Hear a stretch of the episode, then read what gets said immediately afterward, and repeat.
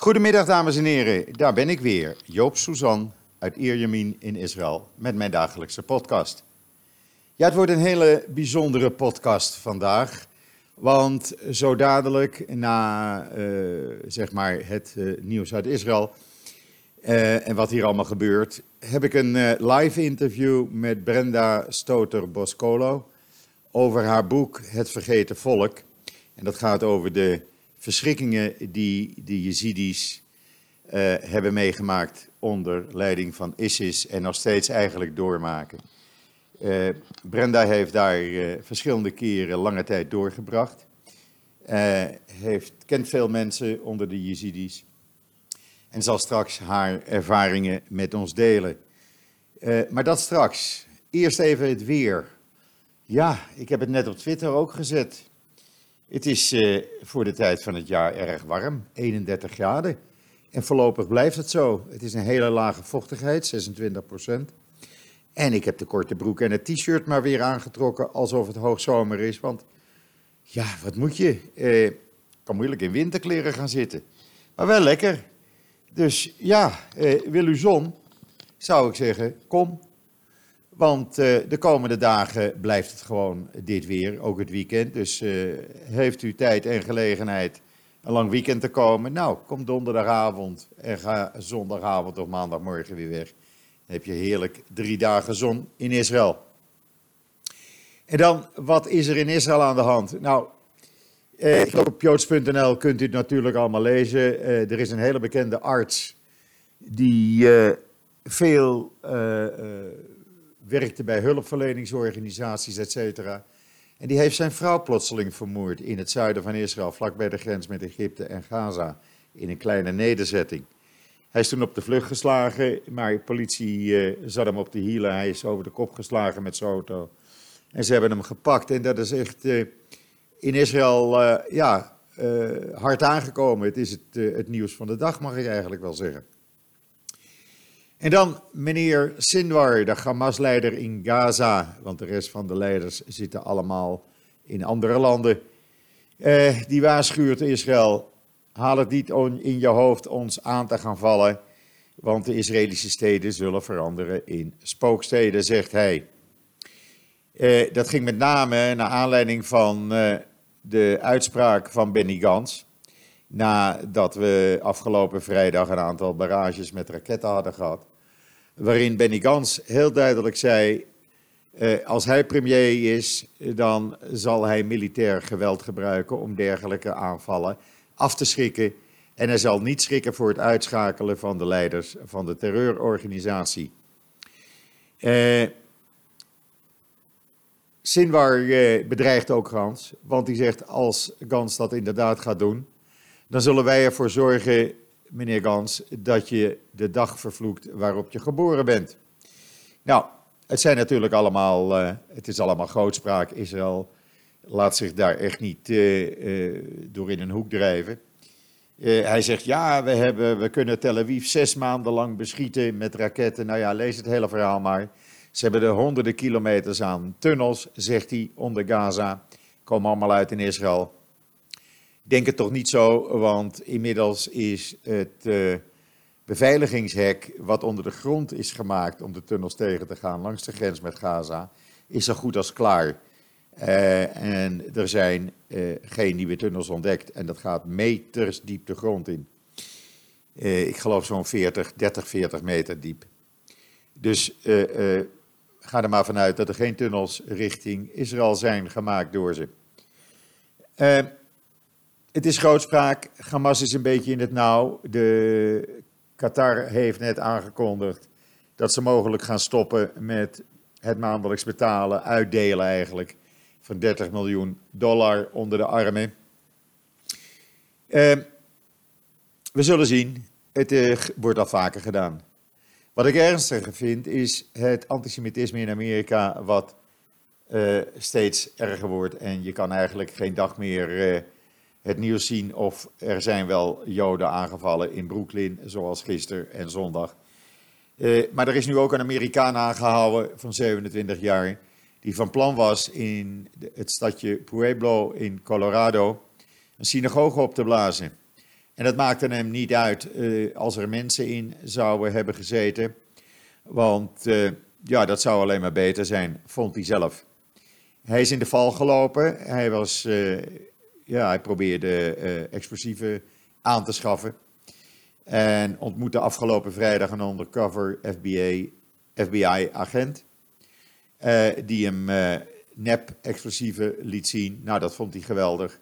En hij vertelde die agent, hij was lid geweest van de Ku Klux Klan. En hij was skinhead. En dat hij een heilige oorlog aan het voorbereiden was. En beweerde dat het water in die synagoge in Pueblo al met arsen zou zijn verniet, vergiftigd door hem. Nou, ze hebben hem toen uh, eigenlijk meteen in de boeien geslagen en deze man is voorlopig van de straat. Maar ja, je weet natuurlijk niet hoeveel van die gekken er rondlopen. En het lijkt wel of het steeds, uh, steeds erger wordt. En dan uh, op 7 december, wij kregen bericht bij joods.nl van het concertgebouw. Op 7 december om half twee s middags is er in het kader van de NTR, NTR zaterdagmatinee het concert Judeas Maccabeus van uh, Frederik, George Frederik Handel. Wordt uitgevoerd uh, in het uh, concertgebouw. men zegt Handel op zijn best. Bent u geïnteresseerd? U kunt de tickets bestellen via de link op joods.nl. Het wordt uitgevoerd door Capella, Capella Krakowiensis met vier solisten. Uh, ik heb er nog nooit van gehoord, van uh, deze, dit orkest. Maar goed, ik ben ook een tijd weg uit Nederland. lees het op joods.nl en dan kunt u via de link een kaartje bestellen. En dan is de wereld klaar voor een Israëlische superwijn, vragen wij ons op joods.nl af in plaats van allerlei vitaminesupplementen te nemen. Want het lijkt erop dat een, uh, een een expert in de wijnchemie van het Tel Gai College, uh, een superwijn heeft uitgevonden uh, met een hele hoge gehalte aan vitamines. En als dat inderdaad zo is, dan zou je dus geen vitamine supplementen meer nodig hebben. Gewoon een glas wijn, elke dag. Israëlische wijn. Is natuurlijk ook lekker. En uh, ja, dan heb je twee vliegen in één klap natuurlijk. Uh, het hele verhaal staat op uh, joods.nl. men is heel ver gevorderd ermee. En het zou zomaar eens kunnen dat over een jaar, twee jaar, die wijn gewoon te koop is bij uw plaatselijke wijnhandelaar. Zolang de Europese Unie uh, het niet boycott natuurlijk. Want ja, daar uh, hebben we ook nog mee te maken. Uh, lees het op joods.nl, want het is een heel lang artikel met alle, ja, alle details die je maar weten moet. En ja, ik zou het uh, een prima uitvinding vinden eigenlijk. Wijn in plaats van pilletjes. Nou, wie, uh, wie wil dat nou eigenlijk niet? En dan iets heel ontroerends speelde zich een paar dagen geleden af in Yad Vashem. Een broer en een zus die uit Griekenland, die nu in Israël wonen en daar een hele hun, uh, families hebben rond, en, rond en heen hebben die uh, zaten in uh, Griekenland ondergedoken bij een Griekse familie. En men heeft uh, die mensen erkend al jaren geleden, in de jaren negentig, als rechtvaardigen van de wereld. Dat is een, een eer die je krijgt van Yad Vashem als je Joden gered hebt. Rechtschapenen onder de naties. Mijn ouders, kan ik mij herinneren, hebben dat in de jaren tachtig ook gedaan met de familie Poels uit Zevenhem, waar zij ondergedoken zaten. En ook hun naam is, uh, uh, staat gegrift in het monument in Yad Vashem. Uh, maar deze vrouw, deze oude vrouw nu, die 92 is, hebben ze naar Israël laten komen.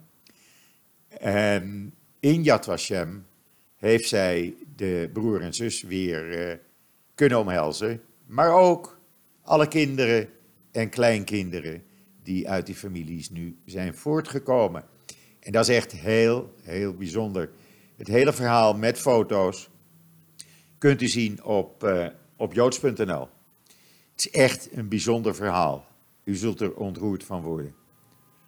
En dan Michael Oren, de vroegere ambassadeur van Israël in Amerika. Die beschrijft in een huiveringwekkend detail hoe een eventuele oorlog tussen Israël en Iran zal verlopen. Nou, je wil er niet aan denken als je dit leest. Uh, hij heeft dat in de Atlantic uh, beschreven. Het is overgenomen door Israëlische kranten, dus ook door Joods.nl nu. Uh, het komt erop neer dat, ja, het, het, het, zal de hele wereld gaan raken. Israël zal natuurlijk geraakt worden door kruisraketten, door 4000 raketten van Hezbollah per dag en andere projectielen. Het vliegveld zal worden gesloten, de havens gaan dicht. Er gaan enorme milieurampen plaatsvinden eh, doordat de chemische fabrieken in Haifa geraakt gaan worden. De ziekenhuizen zullen overbelast raken. Iran zal enorme schade krijgen, maar ook Hezbollah of Libanon. Want Israël gaat dan de verschroeide aarde toepassen in Libanon er wordt gevochten in Syrië mm, eh, tussen Israël en Syrië. Eh, Irak, de Westbank, Gaza. Het wordt één grote puinhoop. Waar de hele, niet alleen het hele Midden-Oosten, maar eigenlijk de hele wereld mee te maken krijgt. Het is een huiveringwekkend verhaal. Het is een heel lang verhaal. U moet er echt even een uh, minuut of vijf, zes de tijd voor nemen. Maar het is de realiteit. Het is de realiteit waar wij in Israël mee te maken hebben dagelijks. Uh, ik hoop, echt, ik hoop dat dat nooit gaat uh, gebeuren, dat dit een verhaal blijft en dat het nooit werkelijkheid wordt. Maar Ma Michael Oren is realist genoeg om het niet te overdrijven. Daar, ja, ik heb veel van hem gelezen, hij heeft ook boeken geschreven. Uh, ik heb veel interviews met hem gezien. Uh, en het is geen fantast. Dus lees dit verhaal op joods.nl. Want het is echt heel bijzonder. En dan ga ik verbinding zoeken met Brenda. En dan kom ik zo dadelijk met Brenda aan de telefoon bij u terug. Dus even geduld, alstublieft. Ja, en dan heb ik nu Brenda aan de lijn. Brenda Stoter Boscolo. Zo spreek ik het toch goed uit, hè Brenda? Ja, dat klopt. Oké. Okay. Het laatste achternaam is van mijn vader, die is Italiaans. Ja, dat had je me ooit eens een keer jaren geleden verteld toen we elkaar uh, in Tel Aviv uh, op een terras ontmoetten. Ja. Um, en uh, Brenda heeft het boek geschreven, Het Vergeten Volk. Dat gaat over de verschrikkingen van de Jezidis, met name de Jezidi-vrouwen en kinderen. Uh, Brenda, dat boek uh, wat je geschreven hebt, dat uh, ligt nu uh, in de boekwinkels in Nederland, is dat te koop. Denk je dat het boek mensen aan het denken gaat zetten? Ja, ik hoop het wel. Ik vond altijd dat er heel erg weinig aandacht was voor de genocide op de Yazidis door IS. En um, dat is ook een van de redenen dat ik dit boek heb geschreven. Ja. Dus ik, ja, en tot nu toe krijg ik ook, ja, ik, ik heb best wel veel reacties gekregen. Dus uh, ik ga ervan uit dat het wel mensen aan het denken zet, ja. ja. Hoe komt het eigenlijk dat er zo weinig aandacht uh, is voor het lot van de Jezidis? En dan met name voor het lot van de vrouwen en kinderen die op een afschuwelijke manier uh, zijn verkracht, verkocht als slaven, mishandeld, et cetera.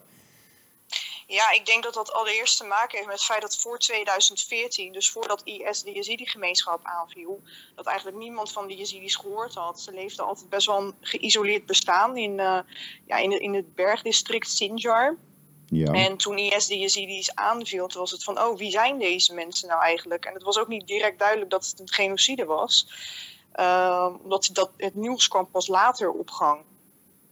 Maar uh, is na het verschijnen van jouw boek nu echt meer uh, aandacht voor het lot van deze mensen in Nederland? Want hier in uh, Israël, moet ik je zeggen, is er erg veel aandacht voor de Jezidis. Ja, en ik heb begrepen dat de Jezidis die, die hopen eigenlijk dat ze ooit door Israël opgevangen worden. Ik ja. krijg dat heel vaak te horen daar. Klopt. omdat ze zich toch wel verwant voelen met het Joodse volk. Ja, Ja. Ehm, maar of er meer aandacht is, ja, ik heb wel het idee dat er nu wel meer aandacht is voor de misdaden die zijn gepleegd ook door IS-vrouwen tegen de Yazidis. En ja, ik heb daar zelf een heel hoofdstuk aan gewijd en dat verschillende keren ook op de radio eh, verteld. Dat, dat eh, IS-vrouwen betrokken waren bij het faciliteren van de slavernij. En sindsdien zie ik wel steeds meer artikelen daarover in Nederland, inderdaad. Oké, dus het, eh, het helpt wel natuurlijk. Eh, Ja, ik denk, ja, zeker weten wel. Ja. Ik denk dat wel mijn boek dat dat wel ehm, doorgedrongen is. Nou, dat is heel belangrijk natuurlijk. Wat vind je trouwens van het feit dat eh, Nederland ISIS-strijders in Nederland eh, wil gaan berechten, in plaats van dat ze in de regio worden berecht? Want dit zijn toch de mensen, de beesten eigenlijk, om het zo maar te noemen, die deze verschrikkelijke misdaden hebben begaan. Ja, ik denk, ik, ik heb er een heel dubbel gevoel over. Want aan de ene kant denk ik van wat er nu gebeurt, ze zitten nu in de kampen en er gebeurt niks met ze. En, ehm, maar het liefst zou ik eigenlijk een tribunaal zien in de regio zelf, want daar ligt het bewijsmateriaal. ehm, Ja. Zodat mensen gewoon vervolgd gaan worden voor genocide en voor slavernij. Want dat gebeurt op de dag van vandaag niet. En dat is ook altijd wat de Yazidis zeggen. Ze zijn maar al te goed op de hoogte van dat in landen als Nederland dat ze dan maar een paar jaar cel krijgen. En ja, dat steekt verschrikkelijk. Ja. Ja, hier krijg je, in Israël krijg je al, eh, al 7, 8 jaar cel als je alleen maar geprobeerd had om bij ISIS eh, te komen. Er zijn een aantal Arabieren eh, die kwamen terug en die zijn gewoon voor eh 7, 8 jaar de cel in verdwenen. Omdat ze geprobeerd hadden bij ISIS te komen. En de straffen in Nederland, die, eh, ja, dat stelt natuurlijk niks voor. En dan krijgen ze ook nog eens een keer, worden ze vrij, eh, vrijgelaten na twee derde van hun straftijd. Ja, precies. Ik heb in mijn boek heb ik ook zo'n gesprek verwerkt met een man die dan zijn hele gezin is kwijtgeraakt door de IS. En tot de dag van vandaag is alleen nog één dochter is dan teruggekeerd, die is bevrijd. Ja, Eh, en hij vroeg toen aan mij van ja, wat krijgen we IS-strijders eigenlijk in jouw land? En ik had net het nieuws gehoord over Jago R, een van de meest beruchte IS-strijders uit Nederland. ja, En die heeft bij Verstek zes jaar gekregen. Nou, die man, die zag je helemaal bleek wegtrekken. Van, Ja. ja, wij hebben levenslang en zij komen ermee weg. Hoe Ja. kan dat in godsnaam? En dat is een beetje het probleem wat ik heb in, in, ja, met de Nederlandse wetgeving. Want ik heb begrepen dat IS-vrouwen bijvoorbeeld maar één tot drie jaar krijgen. Ja, dan denk ik, hoe kan dat in godsnaam? Dat je er gewoon inderdaad mee wegkomt. ja, want die IS-vrouwen die zijn toch ook betrokken geweest bij die eh, eh, verschrikkingen die eh, de Jezidis zijn aangedaan. Ja, en wat, ehm en wat Yazidis dus altijd zeggen van... Kijk, je, je sluit je al aan bij een genocidale organisatie. Het is gewoon een genocide geweest. Als je het VN-verdrag erbij pakt... alles is één op één van, van toepassing op, Ja. wat met de Yazidis is gebeurd. Eh, de vrouwen die werden als slaaf verkocht. De mannen werden vermoord. Het was echt een doelbewuste poging om dat volk uit te roeien. En wat ik dus van de Yazidis te horen heb gekregen is dat de vrouwen dus hielpen bij het faciliteren van de slavernij. Dus bijvoorbeeld, ehm, ze hielden de Yazidis gevangen in hun huizen. Jullie moeten weten, heel veel eh, van die Yazidi-vrouwen en kinderen... die kwamen terecht bij een IS-strijder die al één of meerdere vrouwen had. Ja, Ehm, dus die vrouwen die waren ook vaak jaloers op die Yazidi-vrouw. Kun je je voorstellen dat ze gewoon jaloers zijn op iemand die door hun man wordt verkracht. Maar dat gebeurde dus wel. Dus Ja. ze hielden die Yazidis vast, lieten ze niet ontsnappen als ze, de, eh, als ze daarom vroegen. Ehm, ze sloegen ze, ze vernederden ze. Ik heb gehoord dat een van die vrouwen bijvoorbeeld in de eentje de hele boel moest verhuizen. Eh, zware meubelen moest tillen, net zolang dat ze gewoon in elkaar stortten. Nou, kinderen, ja, hun kinderen werden geslagen. En ehm, daarnaast op de slavenmarkten, dat hoor je ook vaak van Yazidis, ehm, dat daar ook IS-vrouwen bij betrokken waren. Dus die zorgden voor hun make-up. Die gaven ze ordinaire kleding. En vervolgens werden er foto's van die Yazidi-vrouwen gemaakt om op WhatsApp-groepen te verspreiden, zodat ze verkocht kunnen worden. Dus dit zijn allemaal ja, eh, ja, voorbeelden van hoe IS-vrouwen dus wel degelijk betrokken waren bij de slavernij. ja. Dat hebben we hier in Israël trouwens op televisie kunnen zien. Eh, een tijd geleden was, dat, eh, was daar een item over. En het is ook Ja? volop in de kranten geweest. Jazeker, ik, ik, ik ga dat nog wel eens even terugzoeken. Kijken of ik iets kan vinden, dan stuur ik dat eh, naar je toe. Maar er zijn Ja, inderdaad... nu toe eh, is daar weinig aandacht voor geweest in Nederland. Ik weet wel dat ik um, een tijdje terug heb ik daar een artikel over geschreven voor een Belgische krant. En dat werd toen ook echt heel veel gedeeld. Van zo, we wisten dit allemaal niet. Maar ja, het is wel iets als je bij je ziet die vrouwen over de vloer komt. En ik heb er natuurlijk nou, tientallen gesproken. Ik denk dat ik in totaal wel honderden Jezidis heb gesproken door de jaren heen. Ehm, maar die, die vrouwen die geven dat allemaal aan. Als je ze vraagt van hoe waren de IS-vrouwen, dan zul je echt weinig positieve voorbeelden horen. De meesten zeggen ze waren nog erger dan de mannen. En natuurlijk, ik heb ook wel eens een goed voorbeeld gehoord, bijvoorbeeld van een Amerikaanse die dan uh, ja, de Jezidis die bij haar in huis zaten beschermd heeft. Maar dat zijn echt uitzonderingen hoor. Ja, ja, ja. Kijk, mijn indruk een beetje hoor, want uh, kijk, als het hier in Israël uh, uitgebreid in het nieuws is, constant, en, en ten tijde dat zich dat afspeelde, was het constant in het nieuws. Dan vraag ik me af, wordt het dan in Nederland bewust uit het nieuws gehouden? Van dat hoeven de mensen niet te weten? Of is het gewoon, ja, van nou, dat is niet belangrijk om, uh, om hierover een item te maken? Ik denk dat, het gewoon, dat ze het niet weten. En, um, want ja, wie, wie gaat er nou regelmatig naar het noorden van Irak om daar lange tijd met Yazidis door te brengen? Dat, dat gebeurt niet zoveel vanuit Nederland natuurlijk. En daarnaast, alle, wat ik zelf denk, is dat heel veel journalisten hier, um, die werken dan vast bij een krant en die zitten op bepaalde onderwerpen. Dus die zitten dan op bijvoorbeeld terrorisme. Ja. En ja, dan heb je niet echt een overkoepelende blik, zou ik maar zeggen. Dus die focus die ligt heel erg op de, op de eigen uh, IS-strijders, de daders. Wat in principe natuurlijk uh, ja, heel vreemd is dat je meer aandacht geeft aan de daders dan aan de slachtoffers. Maar het is ook puur omdat zij dus een Nederlands paspoort hebben. Ja. Nu, uh, nu heb jij dat boek geschreven, hè? Het, het Vergeten Volk. dat moet heel veel met je gedaan hebben, denk ik, dat schrijven. Dat moet je op emotioneel hebben uitgeput, denk ik dan. Ja, ja, nee, dat klopt wel. Um, kijk, ik zeg altijd van het gaat natuurlijk niet om mij, het gaat om de mensen daar. En die hebben het altijd veel zwaarder. Maar ik kan niet ontkennen dat het wel iets met me gedaan heeft. Ik ben sowieso, um, ja, ik heb een veel pessimistische wereldbeeld gekregen, dat allereerst. Ja. ja. En um, ja, ook best wel emotioneel uitgeput. Ik heb de afgelopen weken bijvoorbeeld, uh, ja, of heel veel geslapen of heel weinig geslapen. Het is toch een soort van ontlading, hè? Nu is het af. En ja, het komt ook uh, je, je, praat er ook constant over. Dus al die verhalen, die worden een soort van gerecycled in je hoofd. Ja. En tijdens het schrijven heb ik ook momenten gehad dat ik, nou, dat ik huilend achter mijn computer zat. Want als je iemand interviewt daar, kijk, het gaat natuurlijk een beetje aan. De, je bent heel de dag daarmee bezig. Dus je stelt een vraag, de vertaler vertaalt, je schrijft weer mee. En uh, als je dan weer terug bent in Nederland, in, een hele, in je eigen veilige omgeving, en je leest dan al die verhalen terug, dan denk je van, zo, is dit echt allemaal gebeurd? Ja. Um, hebben ze me dit allemaal verteld? Dus ik heb echt wel regelmatig huilend achter mijn computer gezeten, ja. Ik kan me dat voorstellen. Ik vind het, in ieder geval, ik vind het iets heel bijzonder wat jij hebt gedaan. En je hebt een boek geschreven wat altijd uh, er zal zijn, laat ik het zo maar zeggen. Uh, boeken die blijven altijd. Uh, en ik raad iedereen aan om dat boek gewoon te gaan kopen en, en te gaan lezen. Want ik heb wel uittreksels gelezen van je boek. En uh, ja, dat geeft mij ook erg aan, moet ik zeggen. Uh, ondanks ja, dat ik, uh, ja, ik heb, ik heb het toch altijd een beetje bij proberen te houden wat er gebeurt. Hetzelfde doe ik met, met de Koerden bijvoorbeeld.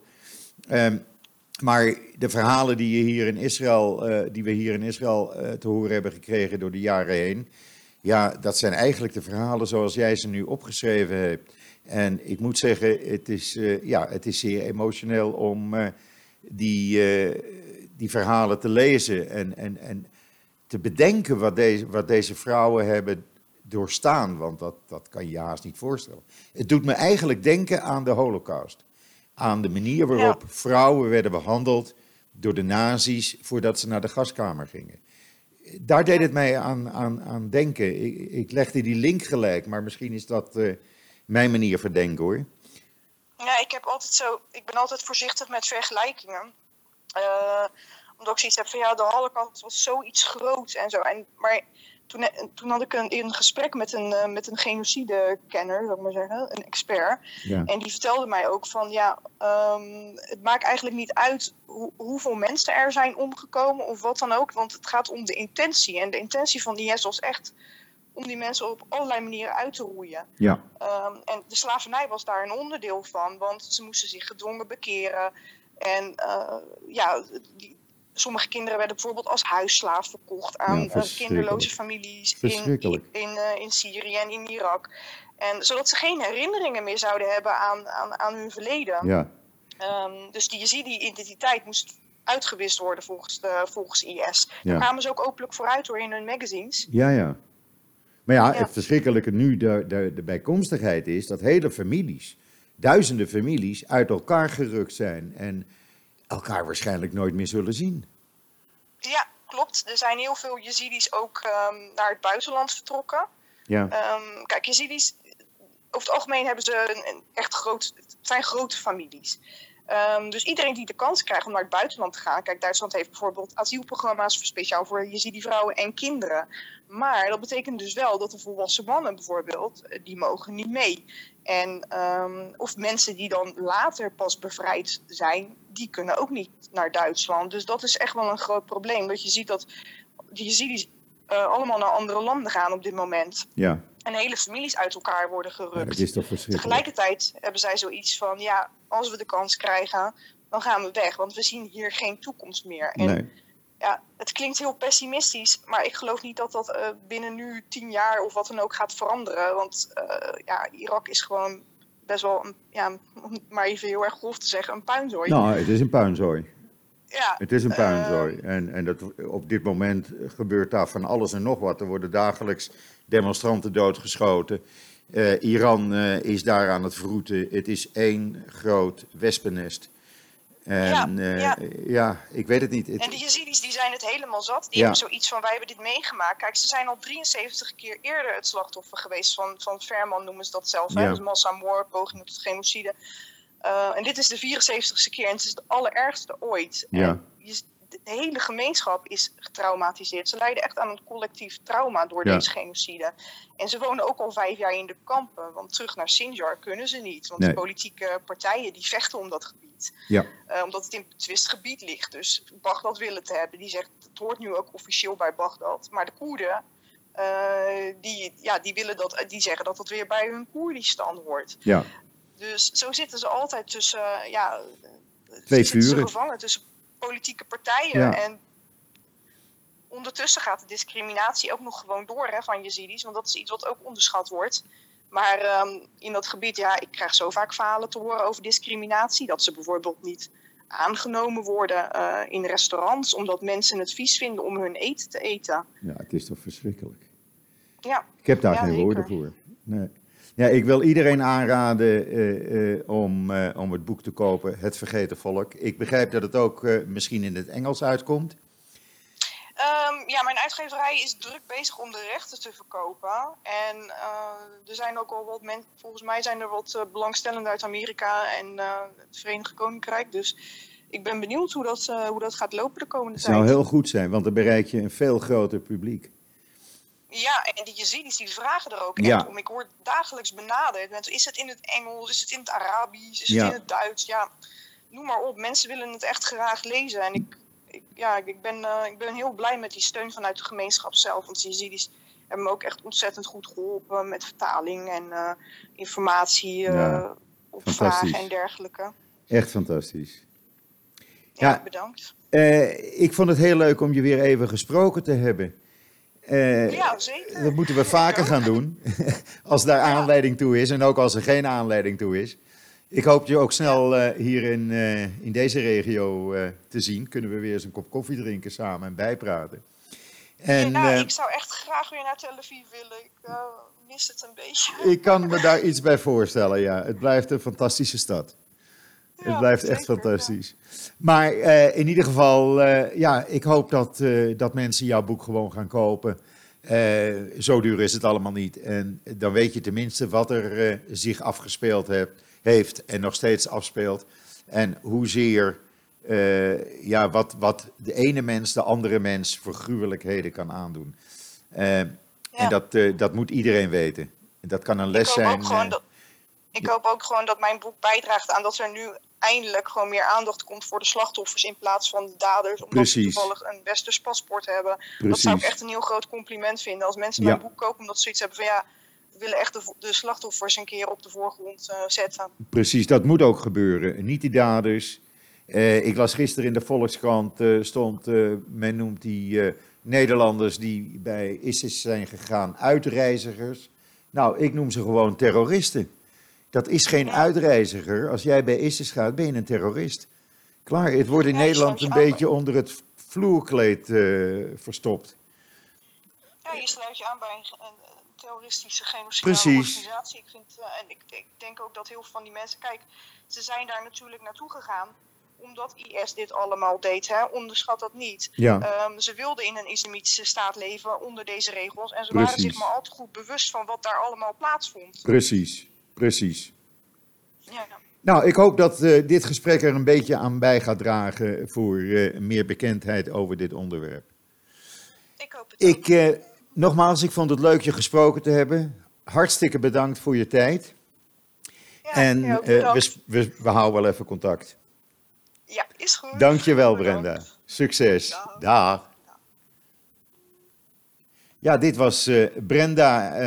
Ik vond het een, eh, een zeer eh, indrukwekkend verhaal wat zij te vertellen had. En eh, ik ga het boek ook zeker binnenkort laten toezenden, want ja, ik, ik laat het gewoon door iemand meenemen.